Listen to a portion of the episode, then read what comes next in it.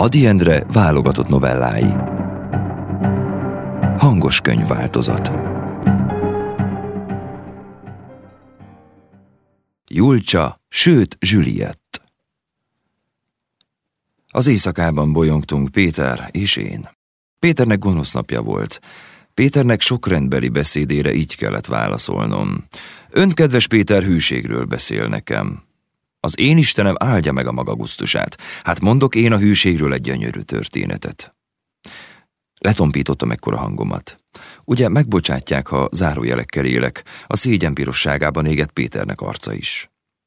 Erkölcstelen történetet az ember csak zárójelekkel mondhat el Budapesten. Julcsa, sőt Juliet különös változásokat tapasztalt rajtam. Vacsora után ittam a maga művek pesgőjét, és elszaladtam az Orfeumból.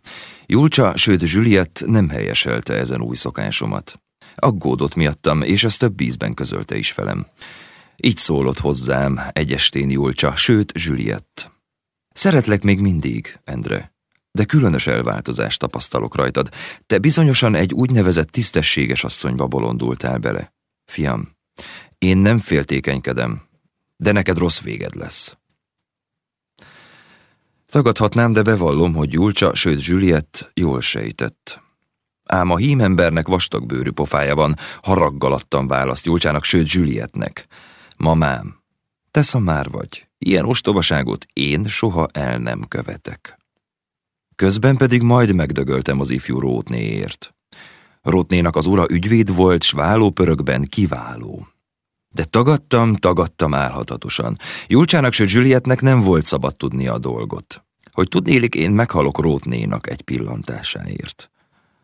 Öleltük Julcsával, sőt Juliettel azután is egymást. Többet mondok, Julcsa, sőt Juliet sohasem szeretett forrobban, mint ekkor. De volt a csókjában valami, valami átadás, lemondás, átutalás, átruházás. Úgy csókolt engem Julcsa, sőt Juliet, mintha már a másé volnék. Nagy szerencse szakadt rám véletlenül, Rót is az Orfeumba járt.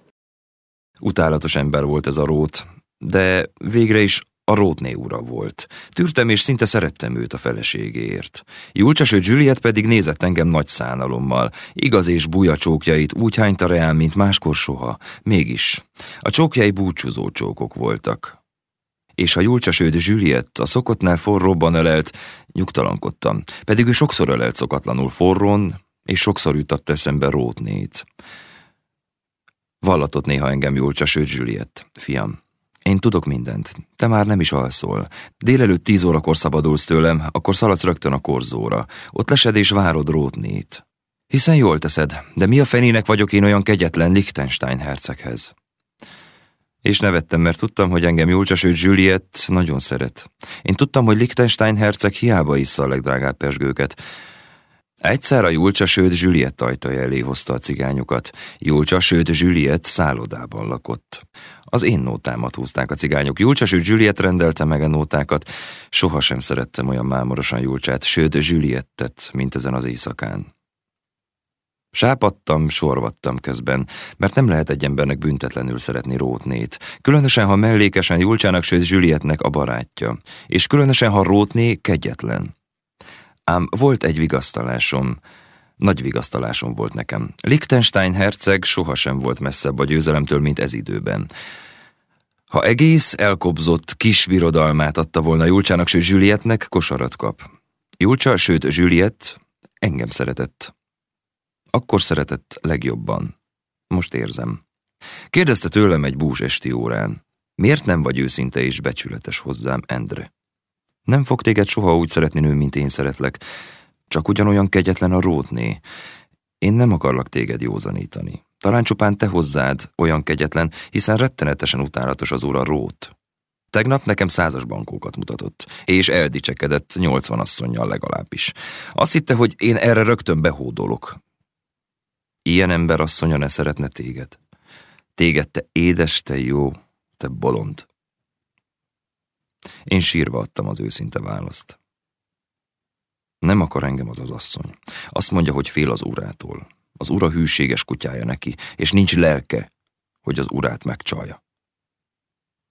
Éltünk ki szomorúságban, Julcsa, sőt Juliet. És én. Láttam, és éreznem kellett, hogy ő mindent tud. De erőm kevés volt, és már járni is alig tudtam. Nézett engem Julcsa, sőt Juliett és Szánt. Elbetegedett közben a lelkem is. Sohasem voltam féltékenyebb Julcsára, sőt Juliettre, mint ekkor. Egy késő estén mulatságban találtam a leányt. Rót ült mellette, és kiürített pesgős palackok árulkodtak körülöttük. Felén fordította arcát Julcsa, sőt Juliett. Szomorúbb, megkapóbb leányarcot csak álmában lát az ember, de csak egy percig. Aztán Rót úr vállára hajtotta a fejét, egy trágárnótát énekelt Rótnak, és nekem. Másnapon sokkal barátságosabb volt hozzám a korzon, mint egyébkor Rótné. És napról napra nőtt a Rótné barátsága, és napról napra szomorúbbra változott Julcsa, sőt Juliett. És megérezte Julcsa, sőt Juliett, hogy mikor volt hozzám kegyes Rótné. Ez nap estéjén veszettül mulatott Róttal. Mámorosan tüzes arccal jött a Rót asztalától az enyémhez. Megcsókolt, megcsókolt. Nem is csók volt ez. Élet, üdvösség és elkárhozás. Aztán így szólott hozzám. Most pedig ne kerülj soha a szemem elé. Hamarabb szeretek bárkit, mint téged. Az Isten áldjon meg, Endre. És visszament Rót asztalához, és megcsókolta Szilajon Rótot. E történettel feleltem Péternek, ki nekem mostoba órában hűségről beszélt. Sok találkozásom volt már az asszonnyal, de hűségesebb nőt nem láttam, mint Julcsa. Sőt, Juliet volt. Vajon éle, s hol van?